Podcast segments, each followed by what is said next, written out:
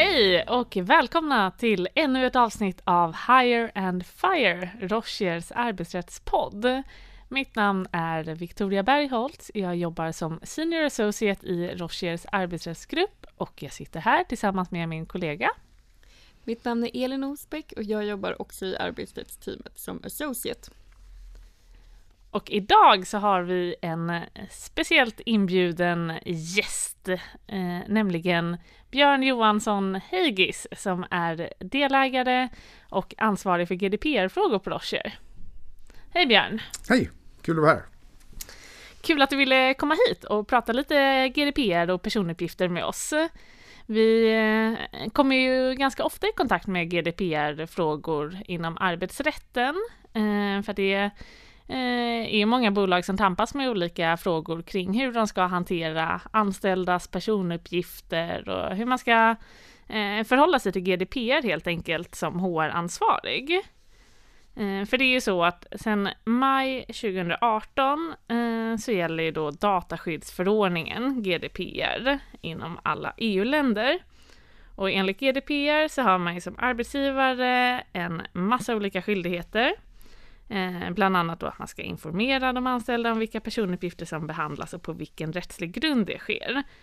Eh, det har inte kommit så himla mycket praxis inom arbetsrätten kring GDPR, men ett fall som vi tycker är intressant för arbetsgivare var förra året när PWC i Grekland ålades att betala en sanktionsavgift på 150 000 euro för att de hade informerat de anställda eh, om att en av grunderna för behandlingen av deras personuppgifter var att de anställda hade lämnat sitt samtycke Eh, skulle du kunna förklara lite varför man som arbetsgivare inte bör stödja sin behandling av anställdas personuppgifter på samtycke?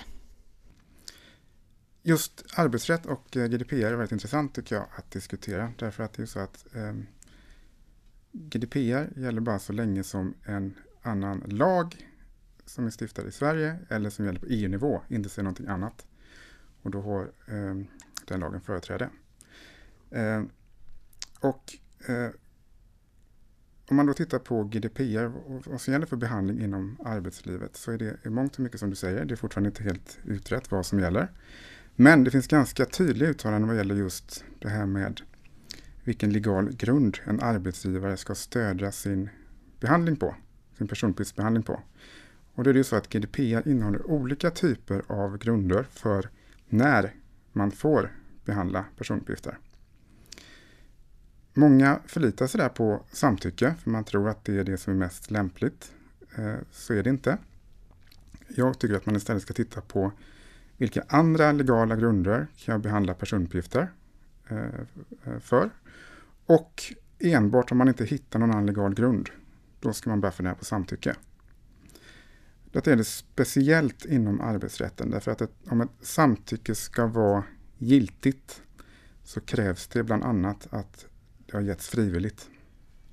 Och där ser man det som att en arbetsgivare alltid är i ett överläge i förhållande till en arbetstagare. Och att arbetstagaren därmed kan känna sig tvingad att ge ett samtycke. Och därför är de då i de allra flesta fall inte giltiga. Eh, det finns ganska många andra typer av grunder man kan stödja sig på och de mest då vanliga är att man eh, får behandla personuppgifter för att uppfylla ett avtal och ta tillvara sina rättigheter enligt ett avtal. Och det gäller också då ifrån ett anställningsavtal är klart. Så det, det är då en mer lämplig grund, helt klart. Det kan också finnas ehm, eh, skyldigheter inom annan lag, eh, inom arbetsrätten, som, som eh, gör det nödvändigt att behandla personuppgifter. Och då kan man stödja sig på den grunden, att det, är nödvändigt för att uppfylla sina skyldigheter enligt lag. Och eh, skyldigheter enligt lag, hur ser det ut då med kollektivavtal. Eh, anses det vara en rättslig förpliktelse på samma sätt som lag? Det är en intressant fråga eh, och korta svaret på den är väl ja, skulle jag säga i Sverige. På, eh, just på grund av att det finns ganska mycket skyldigheter i lag, MBL exempelvis, att man måste uppfylla skyldigheter även i kollektivavtal. Och man har lagt över så mycket av man ska säga, lagstiftningsarbetet, men eh, att hanteras mellan parterna. Så att väldigt mycket av de reglerna som gäller på arbetsmarknaden inom arbetsrätten finns ju just i kollektivavtal. Och därmed tycker jag att man kan säga att det även är en, har den statusen helt enkelt att man ska kunna förlita sig på det för behandlingen. Ja, och en annan fråga då. Någon som hanterar väldigt mycket mängder av personuppgifter på bolag är ju HR-avdelningarna för att man har massa ansvar som man behöver eh, uppfylla. Och eh, till exempel så sitter de på väldigt mycket data om både anställda och personer som har sökt arbete. Hur tycker du att man ska tänka som HR eh, eller HR-anställd kring personuppgifter när man har avslutat en rekrytering? För, liksom, vad får man spara och vad behöver raderas? Som all behandling av personuppgifter så måste man först och främst tänka efter, okej, okay, vad är syftet? Och kan jag baserat på det syftet jag har behandla de här personuppgifterna? Och det är samma sak i en rekryterings, eh, rekryteringssituation. Om, om det är så att det är en person som man haft på intervju som man väljer att inte gå vidare med av olika anledningar. Då skulle jag säga att först och främst får man fundera på okej, okay, vilka rättsliga konsekvenser kan det här orsaka arbetsgivaren? Och ett, ett exempel då är att man kan, skulle kunna råka ut för en talan om eh, diskriminering exempelvis. Och det kanske kan finnas andra typer av krav för varför den här personen inte har fått eh, en viss anställning. Eh, så där skulle jag säga att man har en rätt att spara informationen till dess att preskriptionstiden för de, eh, den typen av talan har gått ut, som väl är två år.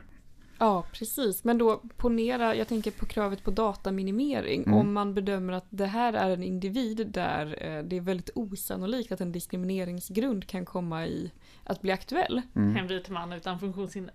Ungefär. Mm. Och då liksom, tycker du att då kan man inte säga att ja men tänk om det blir en tvist om diskriminering?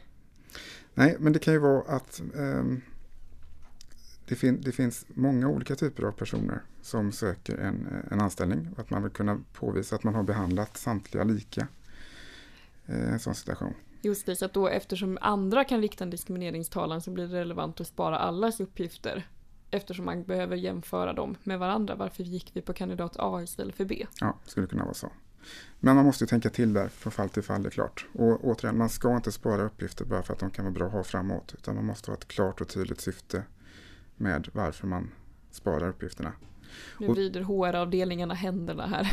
ja, nu ser du. Och, och, vill, vill man spara uppgifterna eh, exempelvis för att det kanske, man tycker det är en kandidat som är väldigt bra, men man har ingen plats just då. Eh, om det kommer upp en, eh, en, ny position lite senare eller om man kanske ändå vill bjuda in den här kandidaten till event och sådär som företaget anordnar. Då skulle jag säga att då ska man eh, nog ha ett samtycke för det från, från kandidaten. Och ehm, vad man också ska komma ihåg, tycker jag, som väldigt många missar, det är att oavsett vilken så legal grund man har så måste man alltid i förväg informera om personuppgiftsbehandlingen. Och det ska man också göra då i ett rekryteringsförfarande, så att egentligen i samband med att man kanske lägger ut en annons, eller vad det nu kan vara, att man har en länk till åtminstone en, en kort notis som talar om så här kommer förfarandet se till, de här personuppgifterna kommer vi behandla, så här länge sparas de och vilka rättigheter då personen har. Så det här med eh, svarta listor som vi ibland eh, hör att, eh, att företag vill ha kring anställda som inte har fått jobb eller kanske fått sina provanställningar avbrutna och så vill man då föra upp dem i något register för att de inte ska få anställning i framtiden. Det låter ju som någonting som inte är tillåtet då. Nej, svarta listor ska man inte ha. Får man ha en i huvudet? Ja, huvudet får man väl ha. och nu när vi ändå är inne på rekrytering Eh, så en annan fråga som ofta uppkommer eh, i samband med rekryteringar är ju det här med brottsregisterutdrag. Många arbetsgivare vill se det innan de tar ett beslut om anställning. Eh, när är det tillåtet egentligen och hur, hur ska man tänka kring det? Mm. Det där är också ganska omdiskuterat. Det är ju så att inom vissa branscher så är det lagkrav på att man ska visa upp ett registerutdrag. Mm. Och då får man naturligtvis som arbetsgivare be också att, de, att kandidaterna gör det. Mm. Eh, om det inte är så, så skulle jag säga att det fortfarande är tillåtet att begära eh, att man visar upp ett registerutdrag. Vad man ska komma ihåg är att man får inte behandla de här uppgifterna som framkommer ur registerutdraget, utan man ska då eh, dokumentera det är ju att ett registerutdrag har uppvisats. Det ska man kunna göra. Eh, men in, egentligen ingenting utöver det. Och kan man komma ihåg att Sverige har en ganska strikt hållning vad gäller just behandling av personuppgifter som relaterat till brott. Mm. Um, Vilket ju låter som att det kanske blir svårt då med kanske whistleblower-system till exempel som många Precis, och där, där, tror jag också faktiskt att många missar att där även whistleblowing-system i många fall omfattar då behandling av personuppgifter som rör brott och som då som huvudregel är förbjudet mm. enligt eh, i alla fall nuvarande tolkning av eh, inom Sverige. Mm. Um, men där finns ju då en förordning, en föreskrift från, från Datainspektionen mm. som tillåter behandling av Eh, den typen av uppgifter just ifrån ett whistleblowing-system. Mm. Förutsatt att man bara kan anmäla vissa typer av personer i, i hög ställning inom bolaget och för vissa typer av eh, gärningar. Mm. Just det, och det kan ju bli klurigt för ibland används ju whistleblowing-system till andra saker än de borde ut, sett till vad whistleblowing-system ska eh, syfta till mm. och skydda. Så att det kan ju komma in andra personuppgifter i ett whistleblowing-system som inte borde vara där. Precis. Och då har man skyldighet, skulle jag säga som arbetsgivare, att inte bara ha ett whistleblowing-system utan också administrera det och se till att det sköts på rätt sätt. Mm. Mm. Men jag vet att det finns det också nu eh, eh, diskussion om mm. nya regler för mm. whistleblowing-system just. Precis, på EU-nivå så är det ju på gång nya regler eh, om whistleblower-system. Så det där är ett väldigt intressant område för det kan ju bli ganska stora skillnader för bolag framöver. Precis, och särskilt om man är många bolag inom en koncern. Mm. Där det gäller olika regler för whistleblowing inom olika länder om man Just. gärna vill ha ett och samma. Mm. mm. Men då måste man tänka till så man informerar på rätt sätt vilka mm. typer av uppgifter som får mm. rapporteras och för vilka typer av eh, anställda. Mm. Just det. Eh, en annan rättighet som eh, man har enligt eh, GDPR det är att få information om vilka uppgifter som en personuppgiftsansvarig eh, behandlar om en själv. Och det här innebär ju också svårigheter för många företag. De vet inte hur de ska agera när de får en förfrågan. Det är inte helt ovanligt att en anställd vill veta vilka uppgifter som eh, arbetsgivaren lagrar om en själv, till exempel om man har blivit varslad om uppsägning eller om det pågår någon omorganisation i bolaget så kan det komma en begäran från en anställd att få utdrag kring vilka uppgifter som arbetsgivaren eh, sitter på om en själv. Men i vilka situationer kan man då som arbetsgivare neka att lämna ut sådana uppgifter? Mm. Först ska man då fundera på okay, vilka uppgifter är skyldig att lämna ut överhuvudtaget enligt GDPR. Och där tror jag det finns en missuppfattning hos många bolag att man måste lämna ut all dokumentation där uppgifter, personuppgifter förekommer. Eh, så är det inte. Eh, och det framkommer också av ett, eh, en dom från kammarrätten i Göteborg från, från i höstas. Där de ganska tydligt säger att det som behöver lämnas ut det är just ett registerutdrag med en förteckning över de personuppgifter som behandlas och som uppfyller övriga krav i GDPR, men, men inte handlingarna i sig. Mm. Så det är liksom det första. Så om man, om man mm. har personuppgifter i dokument, eh, mm. e-mail eller vad det nu är, så har man som arbetsgivare inte skyldighet att lämna ut själva dokumenten. Mm. Så det skiljer sig då från till exempel en allmän handling där man blir skyldig att lämna ut hela dokumentet? Precis, och det, det ska, de, man ska inte förväxla de två olika rättigheterna. Eh, sen när det kommer då till undantag från att också lämna ut personuppgifter enligt mm. de här bestämmelserna om registerutdrag så finns det en bestämmelse i den svenska dataskyddslagen som säger att om en, eh, ett bolag hade varit en offentlig aktör och som offentlig aktör hade kunnat förlita sig på offentlighets och sekretesslagen så gäller de bestämmelserna också i förhållande till den privata aktören när det kommer till att lämna ut uppgifter enligt GDPR. Mm. Det är en lite så här knixig teknisk eh, konstruktion. Men, mm. men om man, vad det betyder i praktiken är att om man kan hitta någon grund enligt offentlighets och sekretesslagen mm att en viss eh, uppgift är belagd med sekretess så behövs den inte heller lämnas ut och den behöver inte hanteras enligt reglerna om informationsutgivande i GDPR.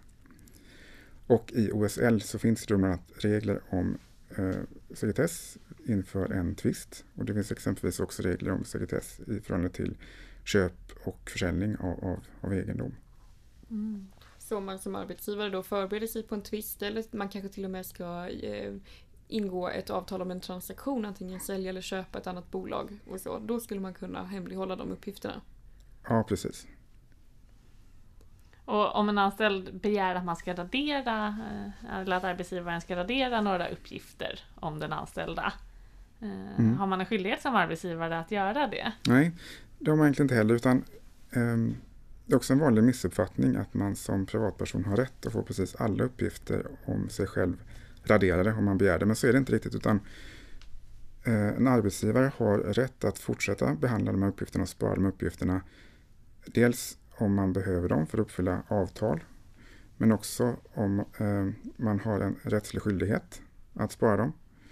Och också i, i andra fall, eh, exempelvis om man förbereder sig för en, för en tvist, så är det ju inte logiskt att eh, motparten ska kunna begära att alla uppgifter raderas. Då blir det omöjligt för bolaget att svara sina rättigheter.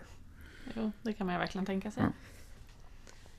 Eh, någonting annat som vi ofta eh, kommer i kontakt med här på Rocher när vi eh, jobbar med, eh, med bolag som behöver eh, förhandla med facket.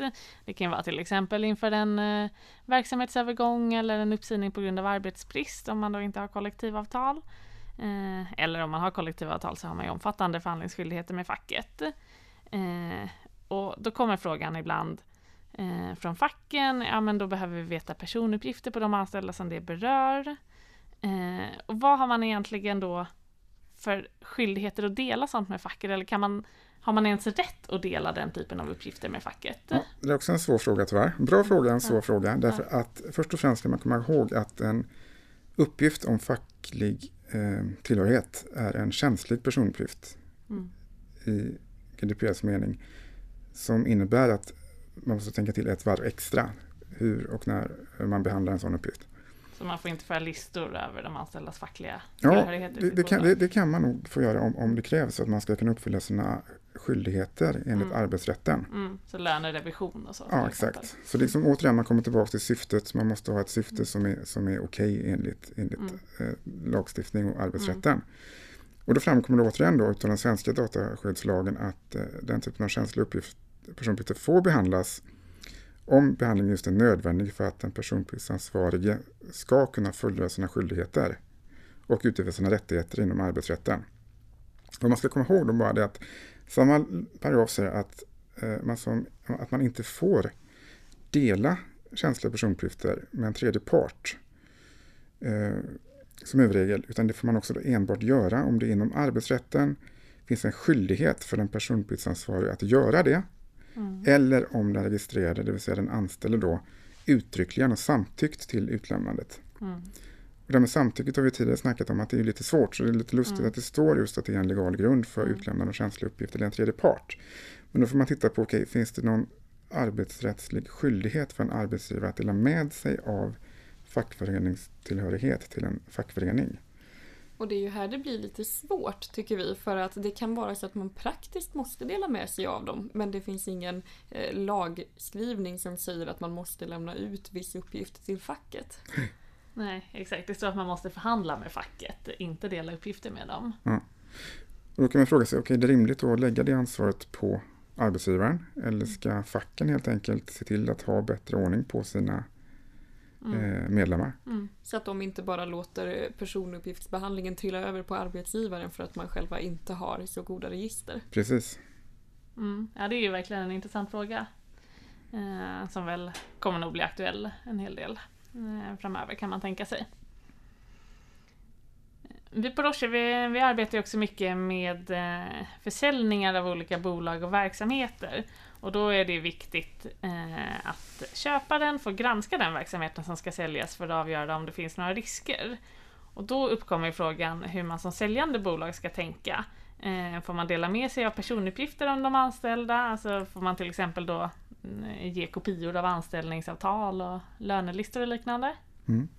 Jag skulle säga att man som säljare har ett berättigat intresse och delar med sig av de uppgifterna. Stor del därför att man vill kunna visa att man eh, har gjort eh, delat med sig av de uppgifterna som en, som en köpare behöver för att kunna skapa sig en uppfattning om bolaget.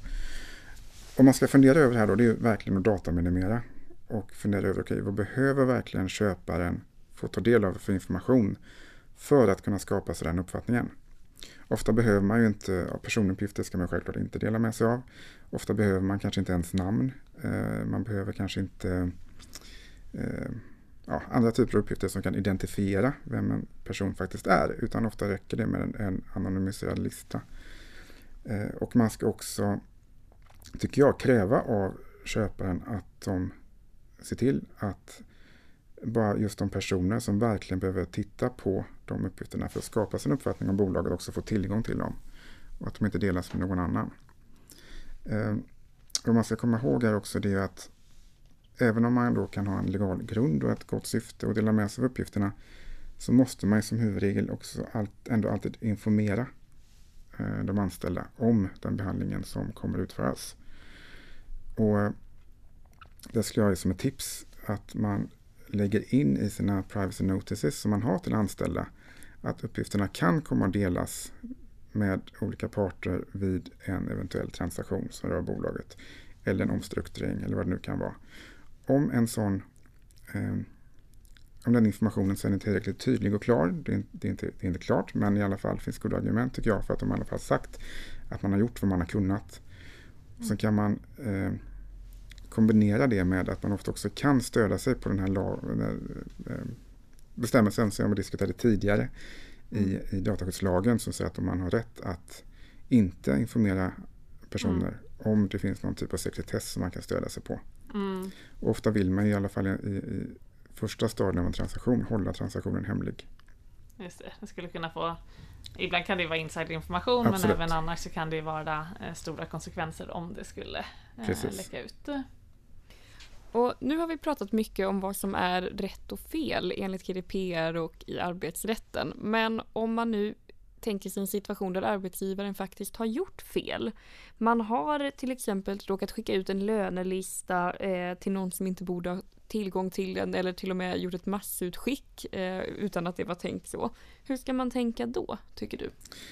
För det första tycker jag att den här, den här lagstiftningen finns ju av en anledning och den finns ju till för att skydda personer och, deras integritet. Och det måste man som arbetsgivare ta på stort allvar, är klart. Så om det har hänt någonting som, som eh, kan skada arbetstagarna på grund av att information har läckt så måste man gör, först och främst göra vad man kan för att minimera de skadorna som, det, som anställda kan åsamkas. Det är liksom A och O tycker jag, att man, man ser till att man har rutiner på plats för att kunna göra det. Sen, sen är nästa fråga då om det är en så kallad personincident som är så pass allvarlig så att den måste anmälas. Och då anmäler man det till Datainspektionen? Ja, precis. Och när är det en sån incident som man behöver rapportera? Ja, det kan vara exempelvis att det har läckt information eller att information har raderats eller att någon har fått tillgång till information som inte skulle ha haft det. Eh, och det är inte osannolikt att det skulle resultera i en skada eller risk för personernas fri och rättigheter. Det är det som står. Och det är inte helt lätt att tolka det. Nej, man undrar vad betyder det? Ja, precis. Men, men det, finns, det finns ganska bra riktlinjer där tycker jag från Datainspektionen. När man ska och när man inte ska. Och i slutändan blir det ju helt enkelt en riskbedömning. Vad är risken i det här fallet för de här personerna? Ehm, och man ska komma ihåg också att om det är känsliga personuppgifter det rör som har läckt på något sätt, då, är det, då antar man lite grann att, att det där är någonting som ska anmälas. Mm. Men, så, eh, som vi har pratat om då, facklig tillhörighet, brottsregisterutdrag eller ja, sjukdom till exempel. Ja, precis. Eh, rehabiliteringshistorik mm. eller, eller vad det nu kan vara. Absolut. Och sen, man ska komma ihåg också, så det här att det ska användas i Datainspektionen. Mm. Det måste man också fundera över, fundera över lite grann för att det kan vara så att om det är en gränsöverskridande incident då kan det vara en annan myndighet. Och det får man se över från fall till fall vilken myndighet det ska anmälas till. Det vill säga om det ska vara en annan en data, dataskyddsmyndighet i ett annat land än Sverige. Mm. Ja, nu har vi fått mycket att tänka på här och mm. kanske även HR-avdelningar runt om i Sverige. Mm. Det är väldigt snåriga regelverk och Datainspektionen har ju faktiskt sagt att HR eh, kommer vara ett eh, fokusområde för deras inspektioner. Så eh, vi tipsar alla om att försöka sätta sig in i de här reglerna och hantera det så gott som det går i alla fall. Det är ju stora sanktioner om man inte skulle göra det som företag. Och vad jag tycker liksom ett medskick i det där är att verkligen ta det på allvar. Mm. Titta igenom och se verkligen, arbetstagarna är ju oftast bolags viktigaste tillgång, behandla dem mm. därefter också och också behandlas deras uppgifter utifrån mm. det. Mm. Och se till att man sköter sig helt enkelt. Mm. Ja men verkligen, det är som du sa innan där att de här reglerna finns ju av en anledning. Ja. Det är ju inte bara för att jävlas med företagen. Och eh, med eh, de orden så eh, tackar vi dig Björn så mycket för att du kom och besökte vår podcast. Mm, tack för att jag fick komma Och för alla goda tips. Mm. Och eh, ni får som vanligt höra av er till oss eh, på vår mejladress higherandfire at rochier.com eller direkt till mig eller Elin och våra kontaktuppgifter hittar ni på Rochiers hemsida rochier.com. Så vi hörs i nästa avsnitt. Ha det så bra. Hej då!